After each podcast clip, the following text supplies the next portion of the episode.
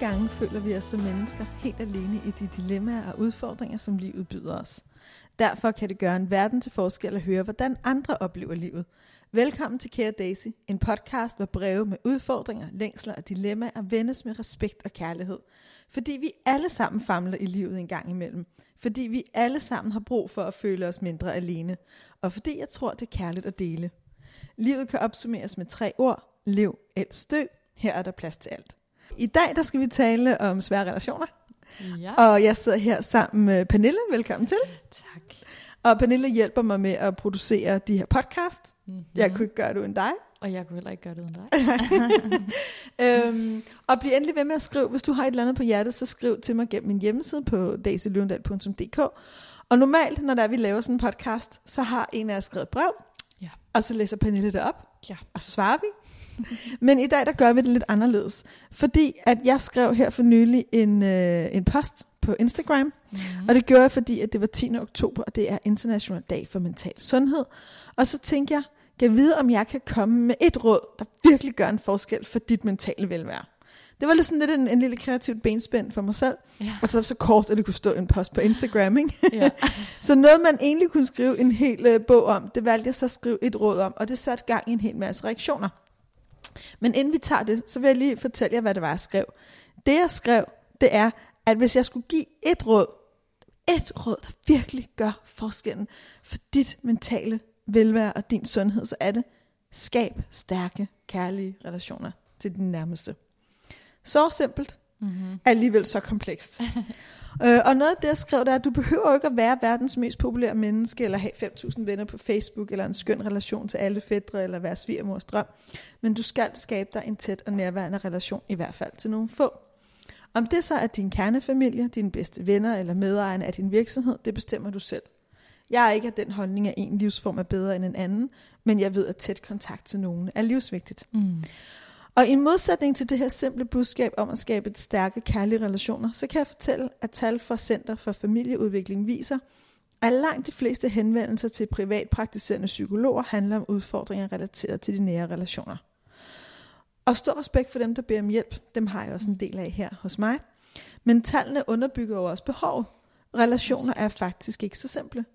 Så selvom vi ser vores nyfødte børn i øjnene og siger, dig elsker jeg for evigt, så er det muligt, at 20 år efter, der er kontakten overfladisk. Mm. Og måske er vi faktisk selv det barn til aldrende forældre, hvor kontakten er minimeret til høfligt samvær. Mm. Lidt på samme måde, som vi bliver gift i ønsket om at være sammen øh, hele livet og blive gamle, men halvdelen af os bliver skilt igen. Ja. Jeg har helt personligt den holdning, og det mener jeg også, at jeg kan underbygge, at vi faktisk vi kunne forebygge rigtig meget stress og reducere mange store omkostninger, både økonomisk og menneskeligt, hvis vi i virkeligheden støttede hinanden i at have et helt liv. For mennesker, vi kan holde til meget, men vi falder fuldstændig fra hinanden, og dem vi elsker ikke trives. Mm. Så i virkeligheden mener jeg, at vi alle sammen skal interessere os for både vores egen og de, men, de mennesker, der er omkring os, både på arbejde og i privatlivets relationer. Fordi kunne vi i virkeligheden skabe flere gode relationer, så vi flere mennesker have en større mental trivsel, opleve mindre stress, depression og ensomhed, og det vil i virkeligheden være med til både at skabe en bedre verden, men også gøre os mere psykisk sunde. Mm. Og i virkeligheden kan man sige, drømmer jeg jo om at være arbejdsløs. Ja. Jamen, Ja. det, det gør jeg faktisk, forstået på den måde. Jeg er sikker på, at jeg så finder på et eller andet at lave. Men det ville jo være skønt at være mm. i en verden, hvor der ikke var behov for de her intime rum. Så vil der ja. Måske altid være det alligevel. Men der er også bare meget stor forskel på, om man kommer til en som mig, for eksempel sammen med sin kæreste, fordi man gerne vil tale om at have endnu bedre sex, eller mm. blive endnu bedre forældre, eller have øh, endnu mere harmoni, eller udleve sine projekter, eller man kommer, fordi man er på skilsmissen rand, og man har levet sexløst i mm. tre år, og man er mm. lige ved at øh, gå fra hinanden, fordi man bare ikke kan mere. Det, det er to Mm. meget forskellige steder, Mm. og jeg kunne virkelig godt tænke mig en verden, hvor vi, hvor vi gav os selv mere personlig udvikling, mere relationsudvikling ud fra et overskud og ikke et underskud. Ja. Gør det gode bedre, ikke? Præcis, gør det gode Mhm. bedre. Ja. Og give plads til noget af den sjove udvikling, når vi aldrig til. Mm-mm. Altså, vi når ikke til multiorgasmen, eller, mm. eller den lange rødvindsnak med grin til klokken 7 om morgenen, eller den dybe, dybe samtale med mormor om hendes ungdom, fordi vi i virkeligheden har alt for travlt ved bare at få det basale til at fungere. ja. Og det synes jeg er ærgerligt. Ja. Og det, der så skete, det var, at det tror jeg også nogle andre synes, fordi ja, folk reagerede. det gjorde de. Det gør jeg i hvert fald også. Ja. Jeg kunne da virkelig godt genkende det med at have svære relationer, og det fylder rigtig meget, og det jo også er, hvis man så selv har det svært, så er det faktisk også rigtig svært, at dem man måske gerne vil vende sig til, dem kan man så ikke rigtig øh, etablere den kontakt, man har brug for til. Mm. Mm. Ja, det kan jeg godt følge. Og det ja. tror jeg lige præcis, det du taler om, det er jo noget af det, jeg har oplevet rigtig mange gange. Det er en del af, jeg kalder det Disney-fortælling, den der fortælling mm. om, at alt er perfekt. Mange tænker jo, når de ikke er i et parforhold, åh, oh, hvis bare jeg havde en kæreste, så Ja. når jeg havde det svært, så kunne jeg blive støttet, og når den jeg elsker havde det svært, så kunne jeg støtte. Mm. Men virkeligheden er jo ofte, at vi gennemgår det svære samtidig. Ja. Hvis vi for eksempel har et barn, der er sygt, så er vi begge to i det. Hvis vi kæmper med at få et barn, er vi begge to i det. Mm. Hvis vi har familieudfordringer, fylder det for os begge. Ja. Så meget ofte er der ikke den, der umiddelbart har overskuddet. Mm. Så bliver der også en kamp om, hvem har så overskuddet til at være den, der giver. Ja. Og alt det her er i virkeligheden noget af det, der er med til at skabe, skabe dårlige relationer eller dårligere. Mm. Og en af dem, der ligesom øh, følger mig på Instagram, hun skrev, jamen hvordan kan det være, at dårlige relationer til dem, der er allernærmest på os i virkeligheden opstår? For jeg kender selv flere med det problem, Mhm. mm-hmm. desværre. Og, og mange andre sådan, skrev ord i den, jamen hvordan kan det egentlig være, at det er så svært?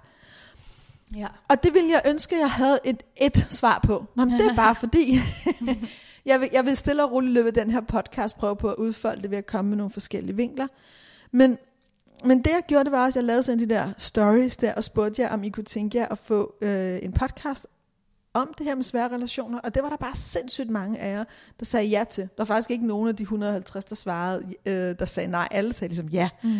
Og alt det her, det deler jeg for os at sige, okay, svære relationer fylder.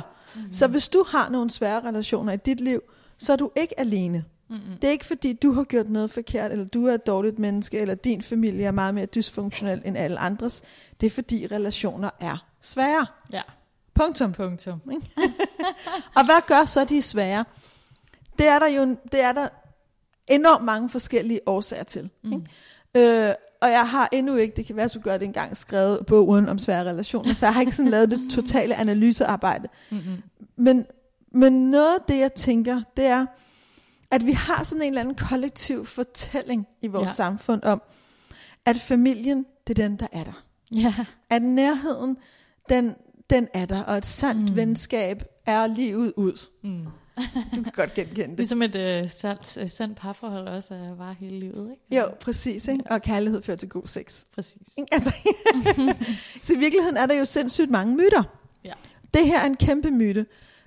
Nærhed, gode relationer, det kommer ikke af, at vi på papiret har en relation. Mm-mm. Jeg, jeg bliver ikke en god kæreste, fordi jeg er gift. Jeg bliver ikke en god datter, fordi min mor har født mig. Mm-mm. Jeg bliver ikke en god veninde, fordi jeg har gået i gymnasiet med en eller anden i 90'erne. Mm-mm. I virkeligheden så kræver nærhed indsats. Ja. Det kræver sindssygt meget indsats. Ja. Men hvor meget giver vi det egentlig, den indsats? Mm. Så, så noget af det, jeg nogle gange tænker meget over i mit eget liv, det er, hvem giver jeg egentlig min opmærksomhed? Hvem giver jeg Mm. min tid? Hvordan, hvordan, prøv, hvordan er jeg egentlig lige nu? Det gode barnebarn, den gode datter, den gode veninde, den Mhm. gode whatever. Og jeg tror, noget af det rigtig mange bliver ramt af, det er den der følelse af ikke at kunne være nok. Ja. Altså det, det, utilstrækkeligheden. Præcis. Altså mm-hmm. jeg vil Mhm. sige, nu er det kun, eller faktisk i dag talte jeg med min, øh, hun er så ikke personlig rådgiver, hun er noget andet, men det er jo egentlig Mhm. lige meget, øh, min, øh, min øh, kære Roxana hedder hun i England, Mm. øhm, og, og, og sad der for endnu en gang i mit liv og sagde, jeg ville ønske, jeg havde mere at give. Ja. altså, jeg Ja. føler ikke altid, at jeg er den mor, jeg gerne vil være, eller den kæreste, jeg gerne vil være, eller den personlige rådgiver, jeg gerne vil være, eller forfatter, jeg gerne vil være. Altså, Mm. der er ikke en eneste dag i mit liv, hvor jeg ikke kunne gå i seng om aftenen og føle, at der var noget, jeg kunne have gjort bedre. Mm. Det kan jeg vælge at have det af helvedes til over. Det kan jeg vælge at blive til en skam, der i virkeligheden æder mig op indenfra. Mm. Eller jeg kan vælge at arbejde med at tilgive mig selv. Mm. Jeg husker mig selv på, at jeg gør det så godt jeg kan. Ja. At jeg har de ressourcer, jeg har, og nogle gange er de større end andre, og nogle gange er de lavere end andre. ja. Og i virkeligheden prøve at udøve selvkærlighed, ikke kun mod de andre. Mm. Som jeg talte med en klient om her i går, hvor jeg sagde, hvis det var nu Bettina, der havde gjort det, virkelig havde prøvet at være verdens bedste kusine, det var sådan en kusinerelation. Og virkelig i forhold til, hvordan Bettinas liv var, havde hun faktisk inviteret til de her ting, og prøvet at komme til den barnedåb, og ja, hun var nødt til at gå. Hvad vil du så tænke? Jamen så sagde hun, så ville jeg jo tænke, at Bettina faktisk prøvede så godt hun kunne. Ja. Okay, men hvad er det, der gør, at den selvkærlighed, at den kærlighed, du kunne give Bettina, og den forståelse, du kan give Bettina, kan du ikke give dig selv? Mm. Og det blev faktisk en rigtig, rigtig smuk samtale. Mm. Hvor det var, at vi talte om den der ting med, at vi nogle gange er bedre til at tilgive andre Mm. for deres fejl, end vi er for os selv. Ja. Og så kan man sige, okay, hvordan hænger det sammen med, at relationer bliver svære? Det gør det sådan her. Når der er, vi oplever, at vores relationer ikke helt fungerer, mm. og de ikke er så gode, som vi egentlig gerne vil have, Ja. eller som vi føler, de burde være, der kæft, hvor er der meget burde. Jeg møder rigtig Ja. mange, der siger, "Men burde jeg ikke have et bedre forhold til min svigermor, eller burde jeg ikke være tættere på min mor, eller burde Mm. jeg ikke have fået den snak med mormor, og nu er hun også gammel, eller burde jeg ikke være tæt Mm. på min søster. Ja. Men jo mere det bliver til en indre bebrejdelse, jo mere kommer det i virkeligheden også nogle gange til at forhindre os i at opleve det, som er. Mm. Fordi vores forventning om, hvordan det burde være, Mm. mm. og vores egen målestok for, hvordan det burde være, og vores egen slåen os selv i hovedet med, at vi ikke gør det godt nok, bliver i virkeligheden nogle gange en forhindring for at opleve det, som er. Ja.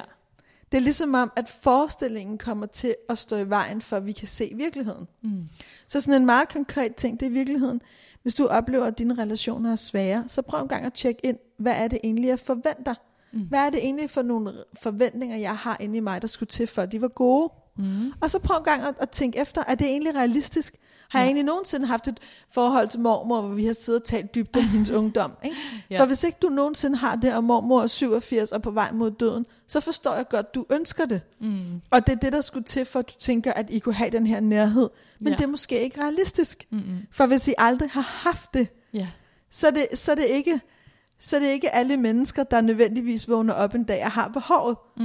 Og hvis du i virkeligheden har boet på værelset ved siden af din søster hele dit liv, og ikke nødvendigvis følt dig nær på hende, men bare lyttet til hendes musik gennem væggene, og set hendes kærester komme og gå og grine lidt af, at du synes, det var underligt, hun gik i Dr. Martens, for det kunne du ikke selv finde på, Mm. jamen så er hun måske heller ikke den, du ringer til i dit livs lavdepunkt og deler dine følelser. Mm. Men det betyder ikke, at I ikke kan have en god relation. Mm. Men Mhm. det betyder måske, at det ikke er Disney-billedet på søstre, der har hinandens ryg i tygt og tyndt og deler alt, der er jeres relation. Mm. Så man skal også, det er også det der med at sætte det op imod øh, altså forventningen versus virkeligheden, og så slutte fred med det på en eller anden måde. Præcis. Ja. Ja. Jeg tror, det er sindssygt vigtigt, lige præcis det. Mm. Tak for det. Det var så lidt. Og så lidt, og lidt på samme, lidt, lidt i samme altså boldgade. Noget, jeg har tænkt over, som jeg i virkeligheden forberedte mig til den her podcast, det var, Mm. jeg har været inde over det før, hvis man har lyttet til min gamle podcast, men vi lever jo i en tid, hvor vi har frisat os selv for rigtig mange ting. Ja. Og det er jeg jo en stor fan af. Ja. Jeg synes jo, det er fantastisk, at vi i virkeligheden kan leve livet meget mere frit. Vi behøver ikke at blive på gården, hvor vi er født. Vi har mulighed for at rejse ud i verden, for det kan være, at vi kommer fra en arbejderklassefamilie, men bliver den første akademiker, eller det kan være, at vi kommer fra en familie af revisorer, og så bliver vi selv øh, tekstildesigner. Altså, mm. der er nogle muligheder. Ja.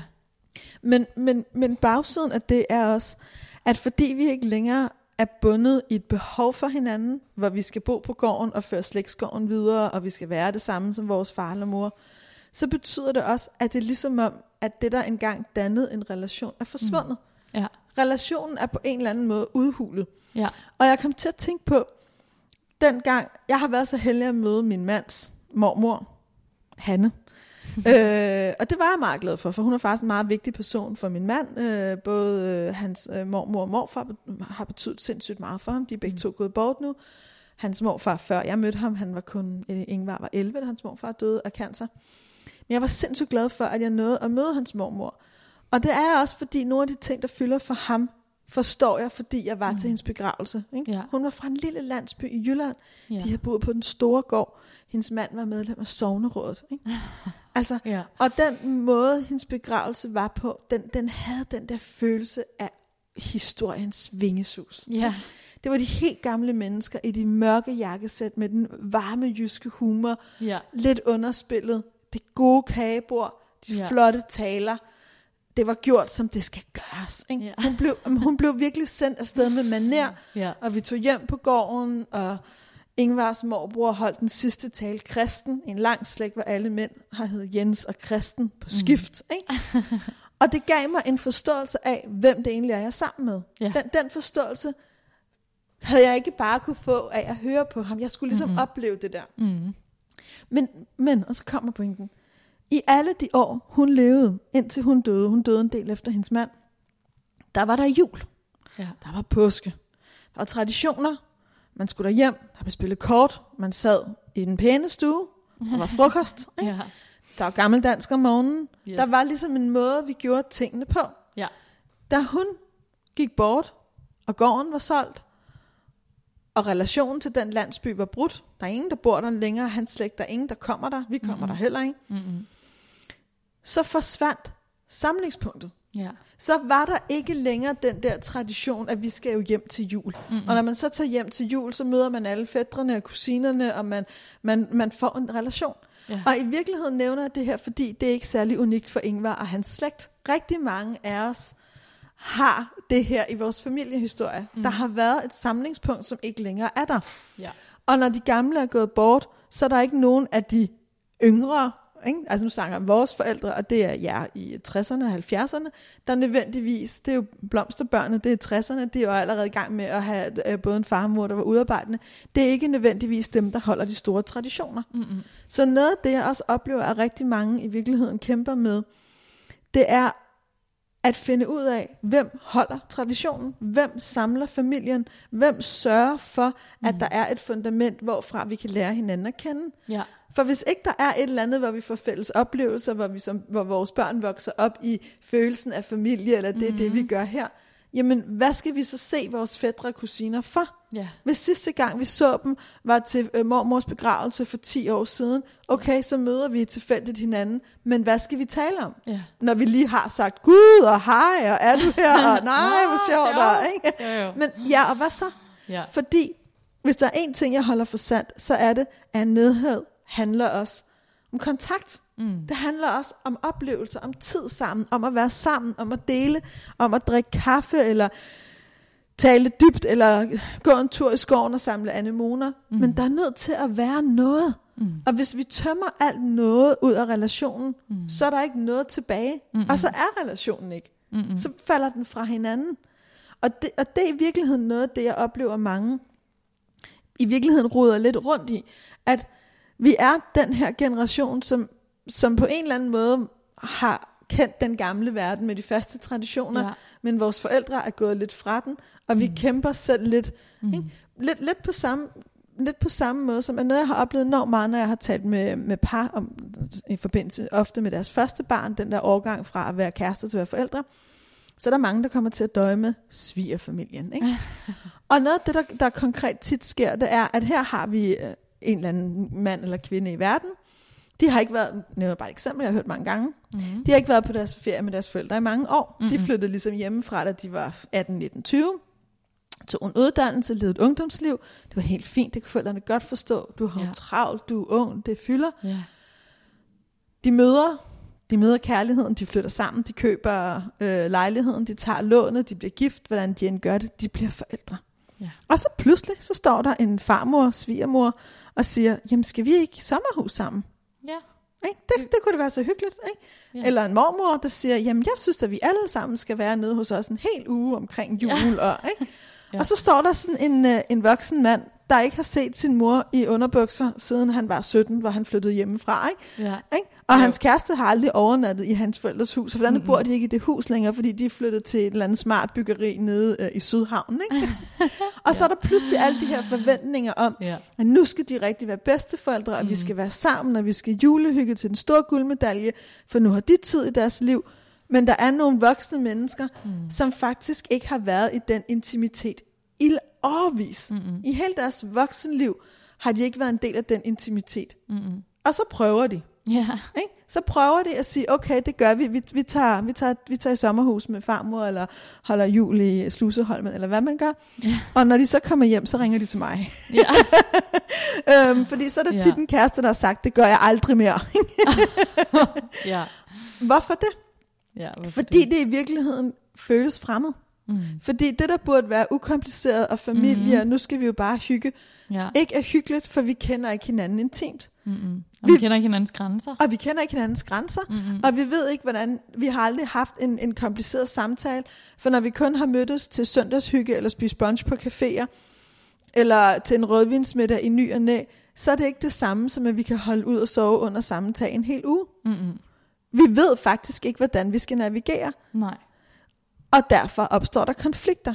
Ja. Og hvis ikke man får de konflikter håndteret, og- og du skal lige holde i mente, jeg er jo fan af konflikt.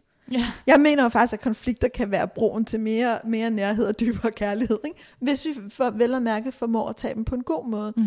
Men formår vi ikke det, så bliver det i virkeligheden noget, der river os fra hinanden. Mm. Og når jeg nævner den her konkrete historie, så er det fordi, jeg har hørt den mange gange. Så noget af det, jeg selv tænker i mit eget liv, det er, jeg tænker tit, det er nu, jeg skaber de relationer, jeg vil have i fremtiden. Det er nu, jeg i virkeligheden er i gang med at skabe Mm. det, der gør, at jeg forhåbentlig bliver en meget elsket farmor og mormor. Jeg bliver forhåbentlig 7 i 13, begge dele. Ikke? Ja. øh, men, men jeg er i virkeligheden nødt til at tænke, at den relation, jeg har til mine børn, skal jeg transformere til at være en relation til unge mennesker? Skal jeg Mm. transformere til at være en relation til voksne mennesker? Skal jeg transformere til at være en relation til de mennesker, de vælger? Mm. Skal jeg transformere til at være en relation til de børn, de forhåbentlig får? Ikke? Ja. No pressure. Ikke? Og hvis ikke I vælger for børn, elsker jeg stadigvæk. Ikke? Men, ikke? men, men i virkeligheden skal vi tænke, jeg er allerede endnu i gang med at skabe det. Ja. Så jeg tror ikke på det der med, at man slipper kontakten og kun ses en gang imellem til søndagsmiddag, mm. og så lige pludselig forventer man øh, ferieture øh, sammen og flere dages juleri. Nej. Hvis det er det, du vil have, så skal du også holde det med de mennesker, som du har sat i verden, eller de mennesker, du deler dit liv med, Ja. når de er 13, eller 23, eller 33. Ja. Så det kommer igen ned til også, hvad er det for nogle forventninger, vi har?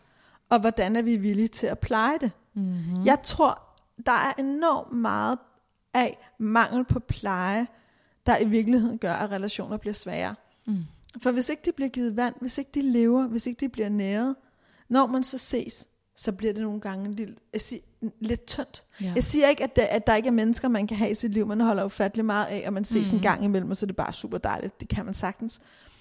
Men jeg tror, det er enormt vigtigt at være klar på, hvad forskellige relationer har brug for. Ja. Så, så der er nogle mennesker, man måske kan ses med sjældent, og det fungerer, og Mm. der er nogen, hvor man ikke kan. Ja. Det Fordi så kommer der distance. Eller for så kommer der ja. distance, og den distance kan i nogle relationer måske være fin, Mm. men det nytter ikke noget, hvis at der fra den anden side, eller fra en selv, så er en, et ønske om en dybere inderlig fortrolighed, hvis Nej. Der i virkeligheden ikke er skabt fundamentet. Det giver mening. Altså, det, det er uden sammenligning i øvrigt lidt ligesom at have haft en date med en, en gang, og så få et nøgenbillede. Ja. Jamen, altså, ja. der er jeg ikke. Det kan godt være, at det er frækt og sjovt, men jeg kender Mhm. rigtig godt. mm. Men det er ikke fedt her. Mm-hmm. Eller du har en ny veninde, I har drukket en kop kaffe sammen, mm. og så får du en sms med en lang udrevning af hendes uh, sag i familieretshuset. Mhm. Mm-hmm. Der er du måske heller ikke endnu. Mm. Mm. Altså, og, vi, og, og lidt på samme måde er vi også nødt til at tænke dem, vi efter sine skulle være tæt på. ja. Er vi egentlig tætte? Ja. Hvor er vi egentlig henne lige nu, og hvad kan vores relation egentlig bære lige nu? Ja. Så det er sådan en meget konkret råd. Prøv en gang at tænke, hvad kan vores relation egentlig bære lige nu? Mm. Og hvad er det for en relation, jeg gerne vil have? Og hvis jeg skal have mig selv, eller den familie, jeg har, det parforhold, jeg måske er i derhen, Mm. hvad er det så, jeg skal gøre nu? Ja. Så det er en del af det. Så er der en anden del, det der med, hvorfor bliver relationer svære? No, noget af det, jeg tror, der nogle gange kan gøre det svært, er også den der tyngde faktisk af historien. At Ja. i nogle af vores nærmeste relationer, så er der jo også historien om, hvem vi var. Ja. Du var sådan som lille, eller Mm. i denne her familie er vi jo alle sammen intellektuelle, eller i Eller denne du reagerer altid sådan. Ja, du reagerer altid sådan, ikke? I, hvor, I de nære relationer mm. Er der historiens å, der Ja. forventer noget bestemt af os. Mm. Og nogle gange får mennesker lyst til at slippe fri. Ja. Ja. Og nogle af dem, hvor det er allersværest at slippe fri, er faktisk dem, der er tæt på. Mm. Det er nogle gange nogle af dem, der har allersværest ved i virkeligheden at forstå ens forandring. Ja. Det kræver, Altså fordi de har et fastlåst billede fordi en, de har eller? et fastlåst billede, fordi, Ja. fordi det billede fordi det er fastlåst, og fordi de nogle gange ikke engang ved, at det er fastlåst. Ja. For det der nogle gange er, jo tættere vi er på noget, du ved, det er lidt ligesom, hvis du tager et, et fotografi, mm. og holder det en centimeter fra dit øje, så kan du ikke se det. Ja. Ikke? Du er nødt til at have det på en vis afstand, for at Ja. kunne se det. Og det der tit er i vores egen, nu snakker jeg meget sådan kernefamilie, den familie, vi kommer fra, Mm. Den familie, vi selv skaber, der har vi tit et blindt punkt. Det, fordi det er det der fotografi, vi holder en centimeter for øjet, så vi Ja. ikke rigtig kan se det. Ja. Vi kan tit ikke se, hvad er det egentlig, der er på spil her? Hvad er det egentlig, der sker? Mm. Vi kan mærke det. Mm. Vi mærker tit meget. Vi kan mærke, er det rart, er det ikke rart, er det anspændt, er det, er det, er det afslappet? Vi kan også tit navigere i det, vi selv kommer fra, selvom at vi ikke kan forklare, hvorfor er det, at jeg ikke må tale om det, eller hvorfor skal man lige gøre sådan, eller Mm. når min far går ud efter avisen, betyder det. Ja. Men vi ved det. Men det, jeg oplever, når der er konflikter i par omkring nære relationer, Mm. det er, at vi glemmer, at vores partner ikke ved det. Mm. De ved det ikke. Mm-mm. De kommer i virkeligheden ind i noget, der er meget intimt, Ja. uden at have kortet. Ja. Meget indforstået. Det er meget indforstået. Og ja. selvom man så, så der ved jeg, at der er nogen, der har talt med par om det her, der siger, ej, min familie, vi er meget, meget direkte. Vi er slet ikke indforstået. jo, så I indforstået måske med nogle andre ting. Der Ja. er altid blandt mennesker, der kender hinanden mm. godt, der kender hinanden intimt, som har boet sammen og deler historier, er der nogle måder, Ja. og dem kommer vores partner enormt nemt til at snuble i. Ja. Så derfor råder jeg til, i virke, der er sådan et ord, jeg bliver ved med at vende tilbage til, som jeg kalder relationsmod. Mm. Hvis man vil have nære relationer, hvis man vil have, at de skal være dejlige og ukomplicerede og enkle, så er vi også nødt til at gøre os umage med at få den, vi elsker, eller dem, vi elsker, ind i de relationer. Ja. For i virkeligheden at brede det her kort ud, så det kan inkludere dem. Ja. Så at de kan, så de kan få plaster, og det kræver noget mod. Mm. Det kræver i virkeligheden, at, at relationen bliver rykket lidt ved. Og, Ja. og det der tit sker der, og det er så uanset om det er forældre, der bliver skilt, og der kommer fars nye kone eller mors nye mand, eller det er de yngre generationer, der får en kæreste og stifter familie, Ja. eller for den sags skyld, man er en familie med to børn, der får et tredje. Altså mm. hver gang man tilføjer flere mennesker i en familie, mm. så er der i virkeligheden en form for krise. Ja. Så er der en eller anden form for, Ja. hvordan fungerer det her nu? Ja. Hvordan er det her, den her gruppe? Det er der i alle grupper. Det er en helt fundamental menneskelig ting. Mm. Og så skal vi finde hinanden i det. Mm. Sindssygt mange af de relationer, der bliver talt om i mit samtalerum, der er svære, er fordi den transition ikke er lykkedes. Mm. Fordi folk glemmer, at det er svært. Ikke? Jeg har Ja. mødt sindssygt mange mennesker, der kommer og elsker hinanden, og de har måske været gift før. Og så flytter de sammen og siger, det er så dejligt, du har to børn, og jeg har to børn, og jeg elsker dig, så jeg er sikker på, at det nok bliver godt. For de er jo vidunderlige, og gud, hvor er dine børn søde, indtil de bor sammen. Ikke? Og det hele går af pommeren til. Ikke? Ja. Altså, eller som jeg oplevede på et tidspunkt, ikke? at den ene datter havde en affære med den anden søn ikke? i sommerhuset. Ikke? Wow. Altså, ikke? Nå, men det sker hele tiden. Ikke? Ja. Og folk glemmer, Mm. det at du bliver forelsket et menneske, mm. det at du vil en, er ikke det samme som det, at alle omkring dig vil det samme. Mm.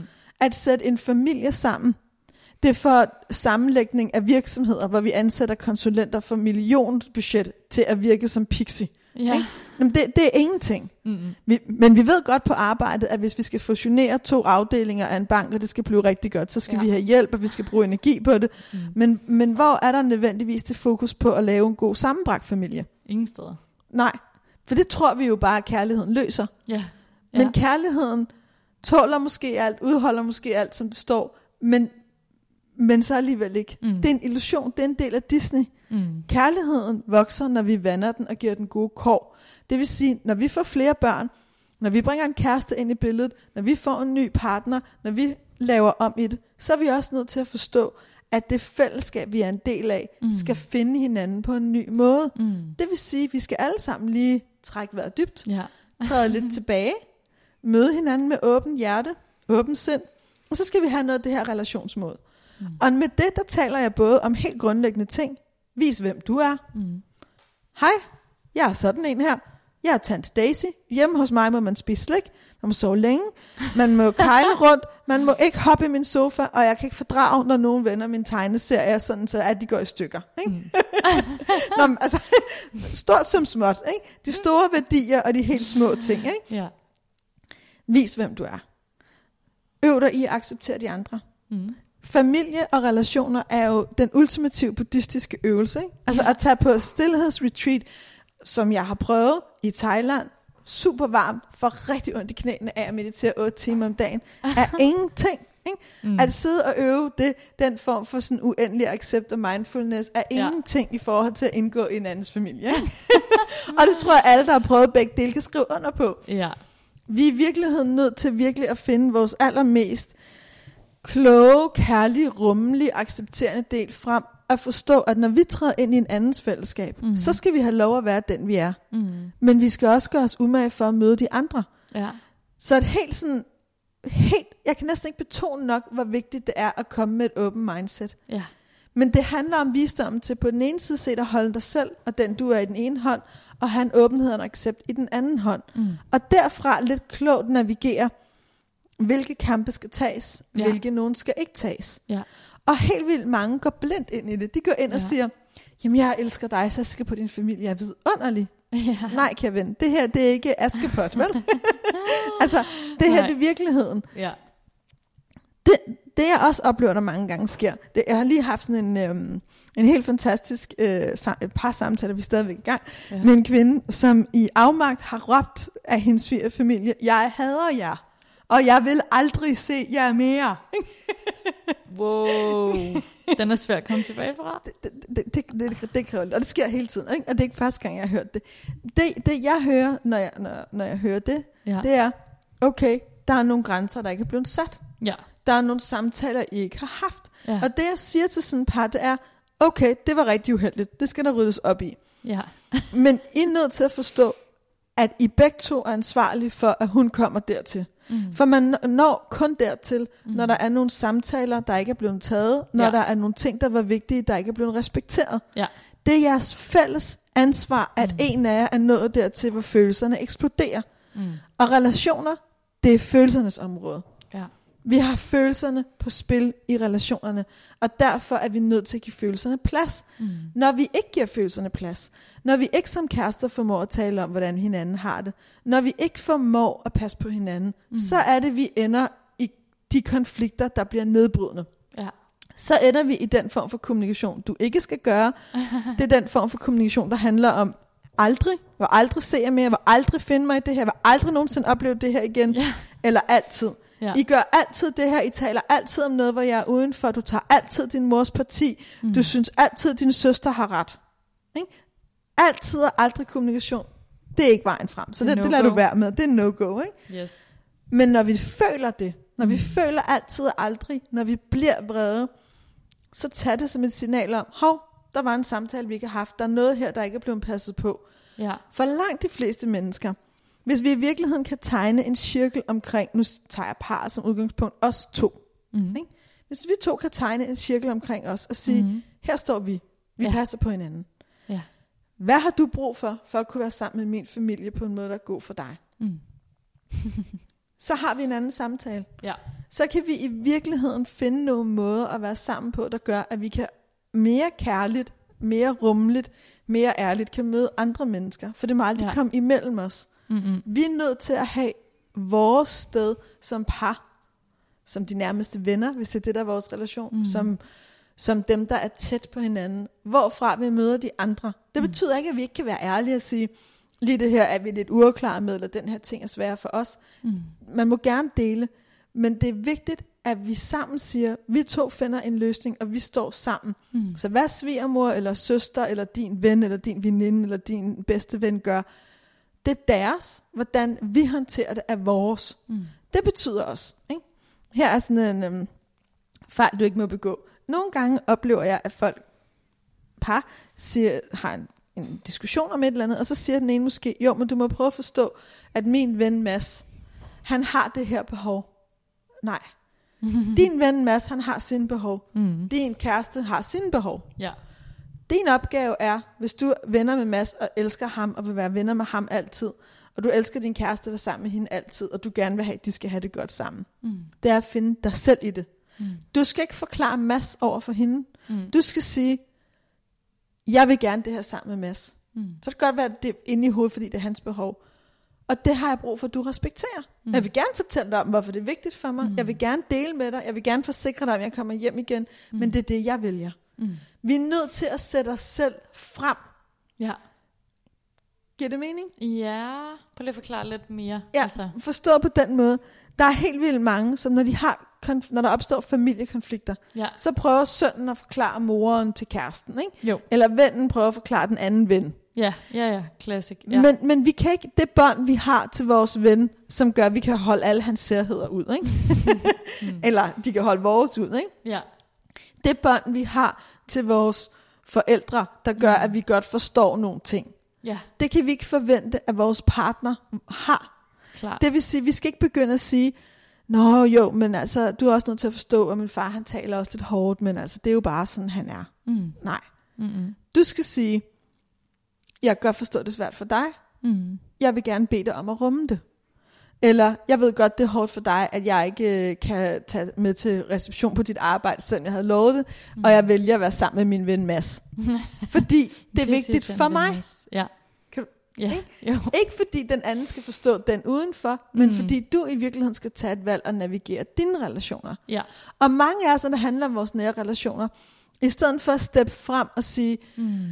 jeg vil gerne det her. Jeg vil Ja. gerne holde jul med mine forældre, jeg vil gerne holde øh, påske med dine, eller jeg vil gerne det eller det. Mm. Så, så får vi på en eller anden måde ikke helt taget fat i vores mod, mm-hmm. og i virkeligheden gjort det, vi gerne vil, eller vi føler er det rigtige. Nogle gange gør vi også noget, ikke fordi vi vil, men fordi vi føler det er rigtigt. Og så prøver vi at få vores kæreste til at forstå, hvorfor det er vigtigt. Ja. Og få dem ligesom til at købe de der argumenter. Ja. Men det skaber konflikter, for det kan vores kæreste ikke, for de har ikke det bånd. Mm-mm. Det giver mening. Så det, der er enormt vigtigt, det er i virkeligheden, at vi afklarer os selv.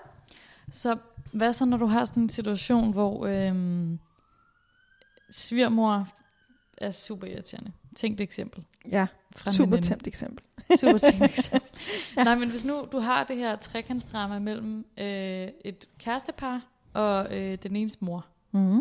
og øh, den ene kæreste støder sig på den her svigermor hele tiden, og øh, den, den anden er øh, splittet i midten mellem øh, mor og kæreste.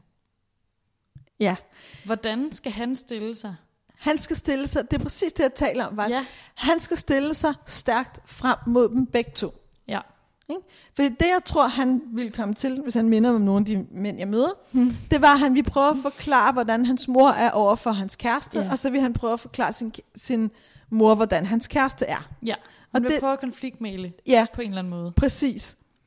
Og det, det, det nytter ikke. Det er fail. Det er Ja. fail, ikke? Fordi det der i virkeligheden der, er, han har en relation til sin mor, han Ja. har et bånd, han elsker hende. Det kan godt være, at han godt kan se, at hun er lidt fjolle med nogle ting, Mm. men hun har, hun har hånden helt inde om hjerterødderne på ham, ikke? Mm. Ja, sammen med hans kæreste. ja, Så vi er nødt til både som kæreste og mor der at forstå, hvis vi har en konflikt, så er det allermest ham, det gør ondt på. ja, godt være, det gør ondt på os, men det gør mere ondt på ham. ja.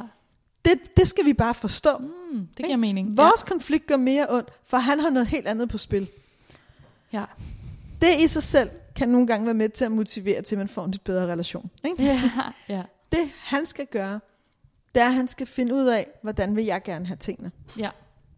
Han skal påtage sig at være kaptajn på sine relationer. Og finde, så hvis nu diskussionen, det er tit, at de dybere følelser mm. begynder at udspille sig i diskussionen om noget konkret. Ikke? Ja. Jeg havde for eksempel en veninde, der jeg snakkede med den anden dag, som har haft lidt en konflikt med sin svigerfamilie, hvor at deres barn skulle overnatte der, og svigermor ville gerne spise klokken syv, og at de skulle sidde og hygge og have en hel aften, og hun havde haft en forestilling om, at de bare skulle drikke en kop kaffe klokken 5 og tage hjem. Mm. Ikke? Og der havde så været mangel på kommunikation, og der havde ikke været nogen ja. klare aftaler. Ikke? Nej. Der skal han i virkeligheden træde frem og kigge enten sin mor i øjnene og sige, ved du hvad, det er jeg rigtig ked af. Det er også super skuffende, når du nu har stået og lavet mad. Mm. Men jeg tager altså lige min kæreste under armen og går, og så kommer jeg en anden dag. Ja, Og næste gang gør jeg mig mere umage for at kommunikere. ja, Og så skal han bære, at hun bliver ked af det. ja.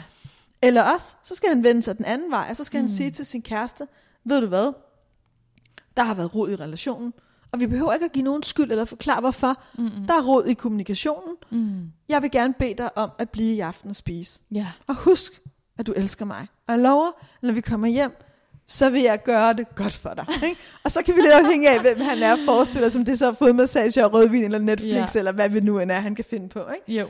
Men han skal lade være med at prøve at tro, de to kan løse det. Ja.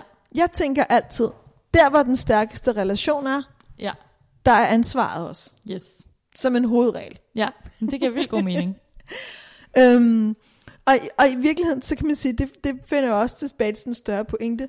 Vi er nødt til som par, hvis vi er i relationer, der er svære, at tage samtalerne. Mm. Hvad forventer vi egentlig af hinanden? Mm. Hvad forventer vi af familie? Hvad giver vi hinanden fri til? Ja. Hvad vil vi gerne forpligte hinanden til? Ja. Og det er ikke sikkert, at den samtale kan klares på én gang, når og så har vi en plan. Mm-mm. Det er ofte en samtale, man tager flere gange, også fordi Mm. mm. livet for- forandrer sig. Ja, Måske siger man ja til én ting, og tre år efter har man brug for noget andet. selvfølgelig. Og det er okay. Ja. Men det er enormt vigtigt, at man klart vælger til mm. Mhm. og vælger fra. På samme måde vil jeg også sige, apropos den skønne kvinde, der nåede at råbe, jeg vil aldrig se jer igen. I virkeligheden er der en, var der en læring for hende i at forstå, der var nogle ting, jeg skulle have sagt fra Mm. overfor før. Ja. I virkeligheden alle de gange, hvor den pæne pige bliver Mm. og finder sig i noget, hun egentlig ikke har lyst til, Ja. der lægger hun lidt brænde på bålet. Ja. Og det der er, er inde i selv den mest pæne, diplomatiske pige, der virkelig bare ønsker, at alle skal have det godt, der er der en furie. Ikke? og når først den furie ja. bål kommer i brand, så brænder det hele hytten ned. Ikke? Ja. Så derfor er det klogt, Mm. før vi brænder hele hytten ned, Ja. at sige, jeg vil ikke det. Mm-mm. Jeg vil gerne fejre jul med din familie, Mm. men jeg vil hjem og sove om aftenen. Ja. Jeg vil ikke en uge i sommerhus. Mm. Jeg vil gerne to dage på krog. Ja. Jeg vil ikke ha- have svigermor komme rendende i tidene og udtid. Hun er super velkommen på tirsdag. Altså, Ja. det er det der med hele tiden Ja. at tage ansvar for, hvad du rent faktisk føler og har behov for. Ja. Nogle gange, så er du også nødt til, og det her bliver masterclass, Mm. at gøre noget, du ikke har lyst til. Ja.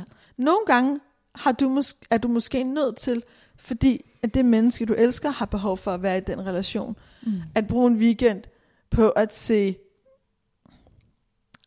det, hvad ved jeg, på at tage til Jylland og spise julefrokost, selvom du i virkeligheden er veganer, ikke? Ja. og du hverken har lyst til at være i Jylland og spise kød. Ikke? Ja.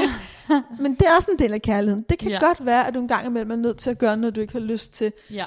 fordi det er vigtigt for den, du er sammen med. Ja. Og det er jo så der, det er værd at huske, at det er det, der er en af kærlighedens gaver. Det er faktisk, mm. at den hjælper os til at blive dybere og mere rummelige mennesker. Oh. Ja. Ja. Ja. Jamen, jeg tror, det var alt, hvad jeg havde til dig i denne episode, kære Daisy. Tak fordi du lyttede med, og tak til dig og jer, der skrev omkring øh, svære relationer. Det er kærligt at dele, og jeg håber, at denne episode har givet dig en tanke, eller måske en idé, du kan bruge i din hverdag. Du har kun et liv, ældste. Men inden vi afslutter den her podcast, så vil jeg godt lige skynde mig at komme med en boganbefaling på Daisys bog Dø, som netop handler om svære relationer i svære tider. Så hvis ikke du allerede har læst den, så køb den og læs den og send den videre. Du lyttede til Kære Daisy, en podcast, der vender nogle af livets dilemmaer og får dig til at føle dig mindre alene. Vil du have mere inspiration og flere perspektiver på det moderne liv, så følg Daisy på Instagram og skriv dig op til hendes nyhedsbrev på daisyløvendal.dk. Du er også meget velkommen til at sende flere breve til Daisy via hendes hjemmeside. Og vi vender tilbage med en ny episode hver 14. dag. Og du kan finde den på iTunes, i Soundcloud og på daisyløvendal.dk. Og så husk, at hvis du kunne lide, hvad du hørte, så send det endelig videre og køb dø.